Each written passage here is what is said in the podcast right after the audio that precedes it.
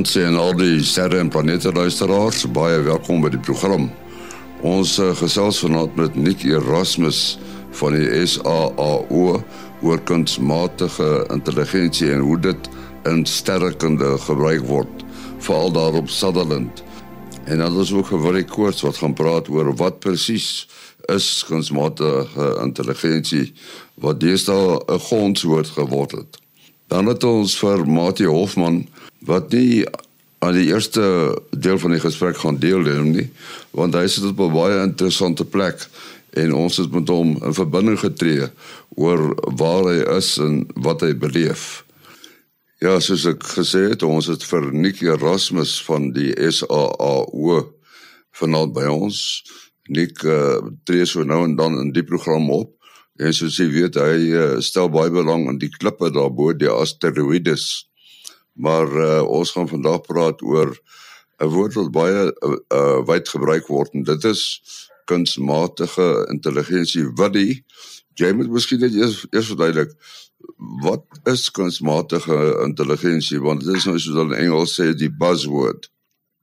Uh, ja, ek moet ook sê ek is nou nie die regte gekwalifiseerde persoon om 'n om 'n definisie te gee nie, maar in my in my uh, in my kop is dit natuurlik iets wat 'n klomp inligting bymekaar maak en en dan en dan iets kan doen met daai inligting, iets intelligent kan doen met daai inligting, soos deur middel van um um die die inligting te orden en en dan te kan besluite neem uh, uh amper soos wat 'n mens leer. Ek dink nou daaraan as jy nou 'n nuwe ehm um, ag sê maar 'n nuwe toepassing vir jou selfoon het, dan gaan jy bietjie ons noem dit maar eintlik speel daarmee, nê. Nee. So jy en dit is eintlik 'n leerproses. Jy sien wat kan hy doen, wat kan hy nie doen nie. Wat wil jy met hom hê hy moet doen en en wat doen hy verkeerd? Want uh, mens leer eintlik mos jou uit jou foute uit. Nou ek weet nou nie of kunsmatige intelligensie ook 'n ook 'n foutmodus het nie, maar ek neem aan dit sal nou seker alles deel van die pakkie wees. Nik as 'n mens nou praat oor kunsmatige intelligensie, afstandbeheerde teleskope. Ons het al daaroor gepraat.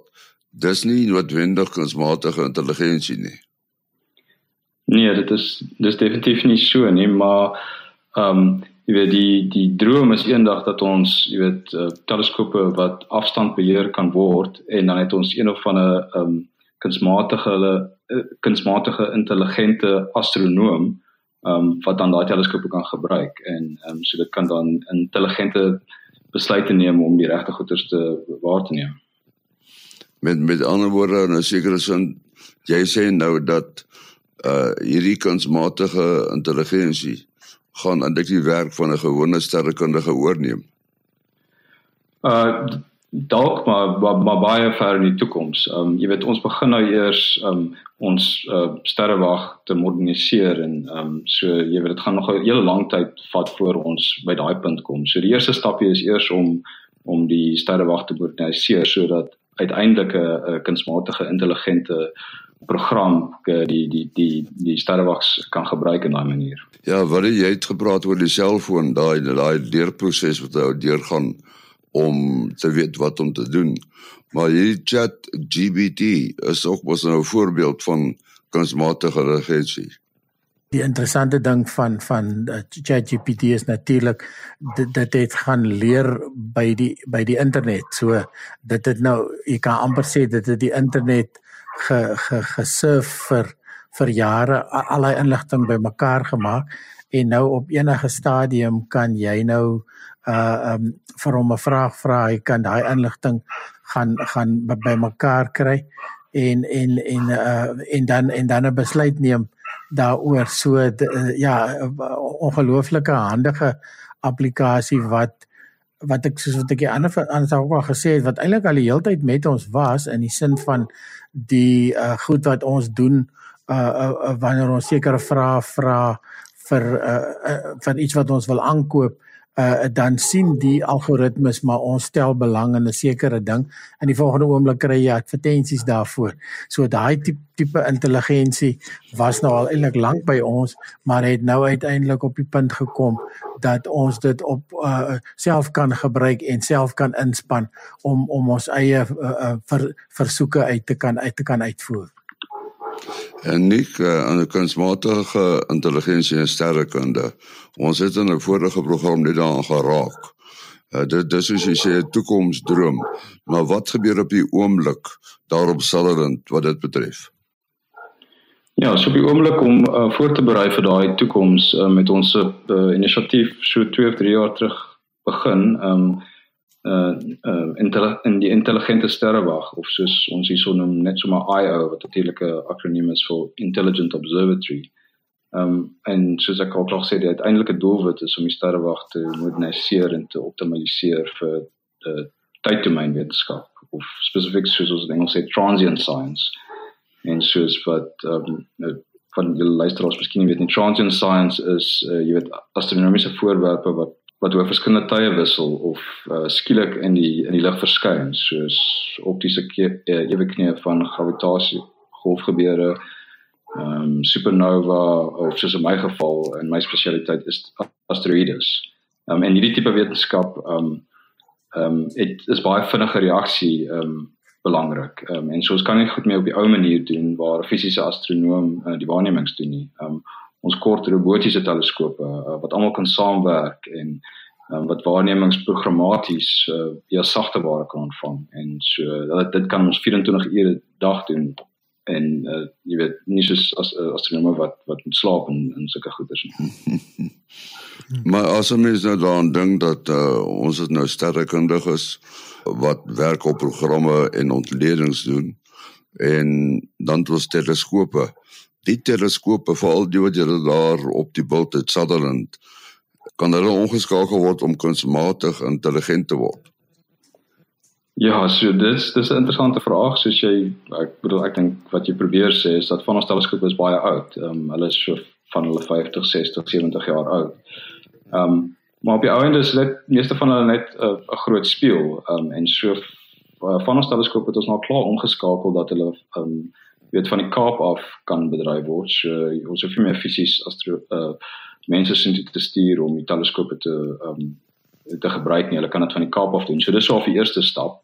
Die tweede stap is om hulle nou om te skakel na robotiese teleskope en ons is nou besig daarmee. Dit is wat ons doen nou vir die afgelope jaar of twee.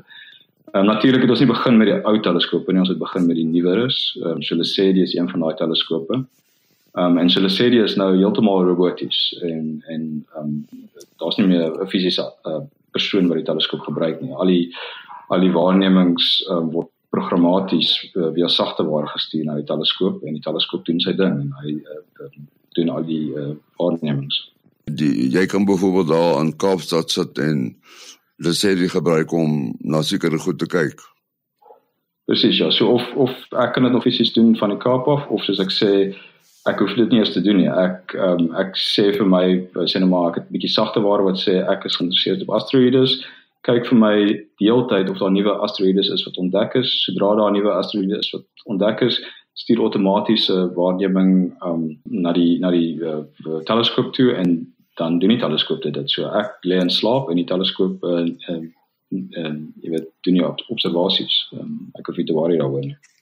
En so die daai programmetjie is nou kan jy sê baie eenvoudige ehm um, weergawe van kunstma kunsmatige intelligensie. Ehm um, maar so soos daai program meer en meer ingewikkeld word, word dit meer um, intelligent in 'n manier sal ek sê. Die hele geheim van die ding is ook uh, seker ook om die prioriteite daar te stel en te verander want uh, 'n uh, teleskoop, hierdie outomatiese teleskope het nou 'n rotine waardeur hy werk wat vooraf bepaal word no, mag hoofsaaklik mos maar deur prioriteite. Hierdie ding moet eenmal 'n aand probeer waargeneem word hier in eenmal 'n week en die in eenmal 'n maand en so voort en en uh um veral soos 'n uh, uh, geval waar salt inkom wat um 'n salt kan nie enige tyd enige plek kyk nie en as daar dan nou skielik 'n um 'n waarneming inkom waar is, is, is salt as dit toevallig binne Salt se venster val. Ek ek verstaan dis iets soos uh, hy kry dan die hoogste prioriteit wat wat normaalweg net die direkteur kan kan toestaan uh in die in die op die op nul maar in die ou stelsel is is daar nou moontlikhede dat dat jou uh, jou, jou intelligente sterrewag kan kan kan vir hom top prioriteit gee en en sal uh stop wat hy besig is of maar klaar wat besig is en en swaai na die voorwerp toe is dit is dit min of meer so iets ook. Ja, en so um jy kan nou dink daai tipe sagte ware is baie ingewikkeld en so om so iets van van begin af te skryf is amper onmoontlik of jy weet nie met die klein groepie wat ons het nie. So wat ons eintlik gedoen het is ons gebruik stelsel wat deur die Las Cumbres um sterrewag um ontwikkel is, um hulle Observatory Control System of OCS. En so hulle so paar jaar gelede, hulle het nou hierdie sagte ware vir jare lank ontwikkel. Um en ons het dit so of hulle het so 2 of 3 jaar terug het hulle dit um open source software gemaak. So ons gebruik nou daai sagte ware. Ons het dit aangepas vir ons sê die nou maar ons gaan al die teleskope uh, uh, uiteindelik daar op hierdie sagte ware sit. En dis dan nie regtig ehm um, kunsmatige intelligente sagte ware nie, maar dit is baie ingewikkelde sagte ware wat al hierdie prioriteite. So daar kom waarnemings ehm um, versoeke van oral af. Verskillende mense, verskillende tipe wetenskap kom alles na hierdie OCS-stelsel toe. Hy bepaal dan watter teleskoop is beskikbaar, wat watter teleskoop kan waar uh, in die lug kyk en al al die al die goeders om te besluit wat se waarneming om om op daai spesifieke tyd te doen. Um, en so ja, dit is baie ongewikkelde sagte ware. 'n Klein stapie na intelligente sagte ware, maar nie heeltemal kunsmatige intelligensie sal ek sê nie. Ja, want kyk jy nou nog gesê van 24 uur so hulle um, die LCO sterrewag het mos nou maar 6 of 7 sterrewagte reg om die wêreld, drie noordelike halfrond en uh, vier noordelik en drie suidelik so. Dit wil sê ja, dit dit maak dit dan nog meer ingewikkeld want soos jy sê, waar is dit? Waar is dit nag? Ehm um, daar was nou onlangs in ehm um, 'n waarneming gewees wat vir die eerste keer heeltemal outomaties gebeur het. Die die die alert het aangekom, die die klassifikasie is gedoen, die uh observ uh, besluit wat se teleskoop moet dit waarneem uh dis bevestig en dit is sommer half in ingestuur as 'n as 'n ontdekking is is is ek dink jy was wel betrokke daarbey nie waar nie.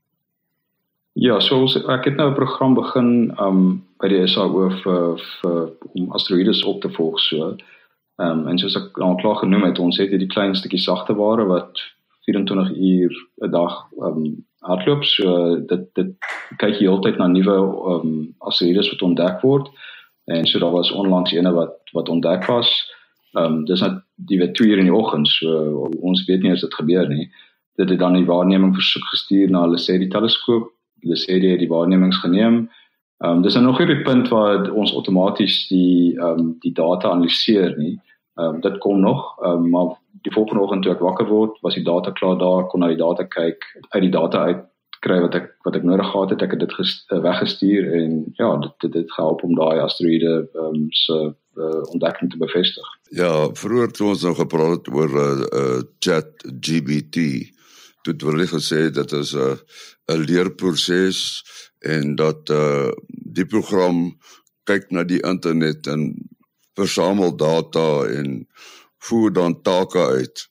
Nou in die geval van sterrekunde, nou wat het data sal sal mens kyk uh, as 'n mens iets skryf vir kunsmatige intelligensie versterkende. Ja, dis dis dis dis 'n groot vraag daai. Ehm um, jy weet ehm um, ek ek dink die sky is die limit. Ons weet nie eintlik wat moontlik gaan wees in 'n paar jaar se tyd nie.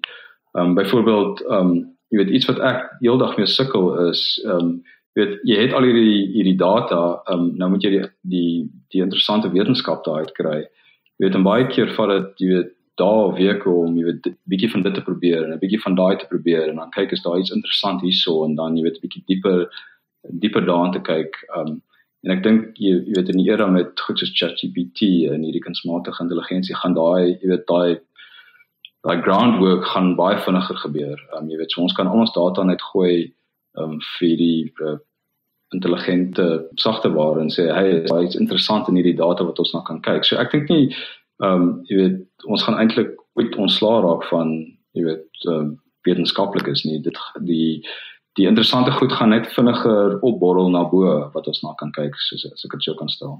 Ja, iemand sal nou nie byvoorbeeld met behulp van kunsmatige intelligensie iets met die ISS kan aanvang nie. Dis dis natuurlik altyd moontlik dat mense hierdie kunsmatige intelligensie gebruik vir slegte goed. Ehm um, ja, ons hoop ons hoop maar dit gebeur nie.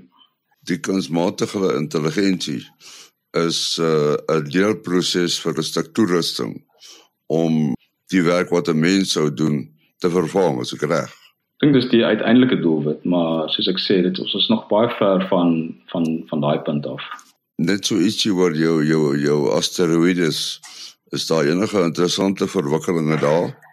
Ja, en so onlangs het ons ehm um, jy weet ons het hierdie global campaigns um, om ehm um, asteroïdes te karakteriseer wat uh, wat naby ons kom en so um, ons het uh, 'n paar jaar gelede enige gedoen op uh, Apophis.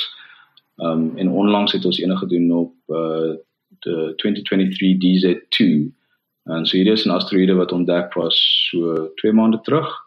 Um en so na die ontdekking het dit gelyk of die asteroïde 'n uh, um, minder as of meer as 0% kans het dat dit ons sal tref. Um, en so daar was die uh, global campaign om die asteroïde so vinnig as moontlik te karakteriseer. Ehm um, dit was was dit uh, uh, baie na die ontdekking uitgevind dat daar geen kans is dat dit ons sal tref nie, maar ons het nog steeds deur die ehm um, die oefening gegaan om te kyk wat uh, jy weet om, om te om te oefen in die geval van as daar iets gebeur wat ons wel sal tref. So ja, dis dis goed net so 2 maande terug. Ja, en so daai uh, data sal so oor 'n paar jaar um, as dan nou so asteroïde is, hy het natuurlik 'n sekere baan uh wat jy dan eintlik uh aantoon en dit bekend maak. Maar is daar 'n moontlikheid dat so 'n baan uh, kan verskuif of uh dit reg afpyl op 'n uh, planeet soos die aarde? Dis presies soos jy sê daar. So gewoonlik is die um, van die ontdekking data het ons is daar baie um um ons onsekerheid oor die baan en dis hoekom hulle gewoonlik sê jy weet daar's 'n 0,1% kans dat dit ons sal tref. Um en dan na meer mense opvolg met op ja uh, asteroïde dan word daai baan um, beter bepaal en dan kan ons sê okay nee daar's geen daar's geen kans meer nie. En so dis presies wat gebeur het. Um na die ontdekking was daar 'n uh, baie klein kans jy weet so dit was nie um um groot as 1 of 2% nie dit was nog steeds 0, iets persent. Ehm um, maar onmiddellik na na die opvolg observasies het hulle gesê okay dis dis definitief nie die geval nie. Ja die die vraag is natuurlik wat doen die mense as daar so iets aankom? Mens kan nie eintlik iets doen nie. dit dit hang af natuurlik hoe lank voor die tyd ehm um, jy uitvind. Ehm um, en dit hang af hoe groot die asteroïde is. Ehm um, so jy weet as dit 'n groot asteroïde is soos ehm um, jy weet 1 1 1 km in diameter Ehm um, en ons het net 'n paar weke uh, waarskuwing dan sou miskien niks toets kan doen nie. Ehm um, ja maar as dit sê net maar 50 meter ehm um, asteroïde is en ons het sê net maar 'n week ehm um, waarskuwing, jy weet uh, kan ons miskien ehm um, weet mense laat weet dat hulle soos uit die uit die area kan beweeg uh, byvoorbeeld. Ehm um, ja, so dit hang af natuurlik hoe groot die asteroïde is en hoe hoe hoe, hoe lank waarskuwing ons het. Ja, natuurlik met die dart sending as dan moet nou gepoog om te sien of iets uit sy baan kan stoot. Ja, so dit was 'n baie suksesvolle um, eksperiment. Ehm um, en dit het die die die dit het bewys dat ons dit wel kan doen.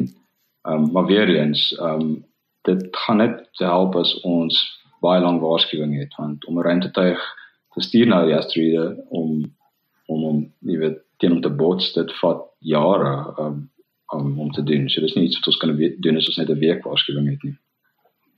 Ja, ek moet sê Nick was nogal baie uh betrokke by die observasies en sy sy uh animasies en en fotos 'n uh, videoetjie het die het die wêreld vol gegaan op daai stadium as jy ge, ge, gesoek het vir dit dan dan um, dan was dit niks 'n videoetjie wat nogal wat nogal bo op die soeklys uitgekom het daai tyd. Ja. Was Ja, ek het eintlik onlangs gesien dat um, op die Wikipedia page van Dart is ons ons klein animasie. Ja. Aha, aha, daai ja, dit ja. lekker. nou ja, Nik, ek is bly jy het by ons kom kuier vanaand. En uh, Nik is natuurlik verbonde aan die SAAO. En dan Nik as mense met jou kontak wil maak, het jy 'n telefoonnommer of iets? Ja, ek kan maar liewers my e-posadres gebruik. Dit is net nerasmus, so nerasmus@saao.ac.za. En dan wil jy Uh telefoonnommer 072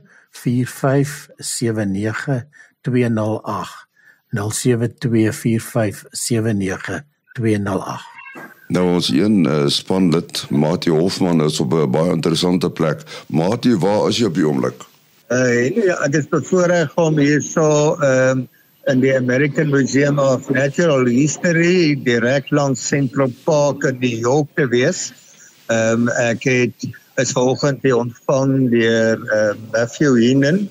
Uh, hy is verbonde aan die uh, beroemde Hayden Planetarium uh, val betrokke by die bemarking van hulle uh planetarium van wat hulle maak en dit my so op 'n kort toer uh geneem deur van die fasiliteite.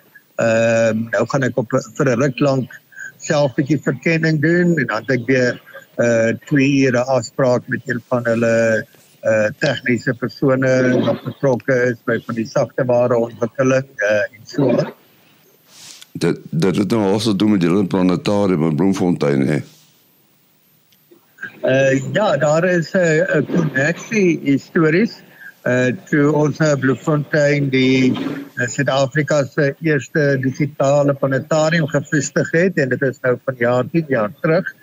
So ons is nou sommer in 'n 10de jaar van feesviering of van die hoogste punt in November gaan wees. Uh, die planetarium het op 1 November 2013 geopen en ons kon daarom nou intussen tyd ook laas jaar weer uh opgradeer.